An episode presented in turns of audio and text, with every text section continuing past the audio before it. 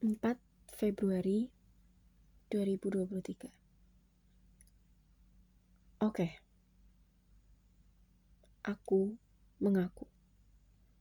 Dua bulan akhir-akhir ini Aku tidak pernah benar-benar baik-baik saja. Sehari ketawa-ketawa Besoknya diam seharian di kamar. Siang bercanda dengan teman-teman Malamnya melek sampai subuh banyak cerita yang tidak pernah dicoba untuk dibagikan.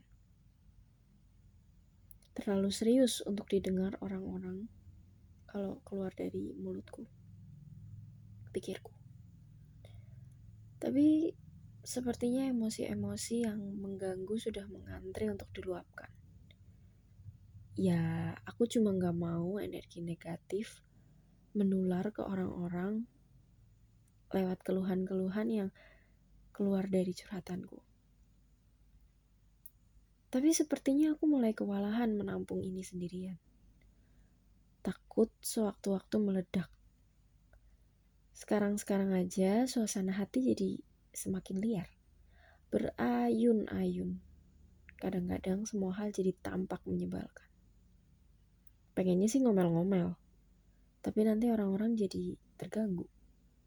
Kayaknya aku harus karantina di hutan, di pulau terpencil, biar aku tahu coping mekanisme yang tidak membuatku terus-terusan merasa bersalah.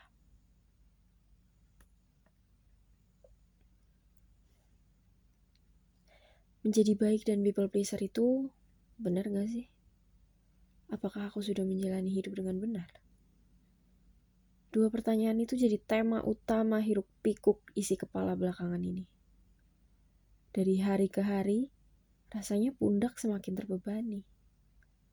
Masih belum jelas sih sumbernya dari mana. Ekspektasi orang lain kah? Atau jangan-jangan ekspektasi diri sendiri? Kalau lihat foto-foto zaman sekolah, rasanya kepercayaan diri yang sekarang jadi pecah berkeping-keping. Kenapa downgrade ya? Sesi evaluasi dan introspeksi nggak kelar-kelar. Kalau istilah zaman sekarang sih, shampoo and conditioner run out at the same time.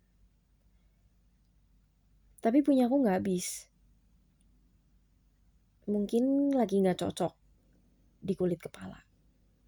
Salah pilih waktu belinya. Atau terlalu mahal ya? Nggak apa-apa. Ayo semangat sampai kulit kepalanya cukup sehat dan pantas.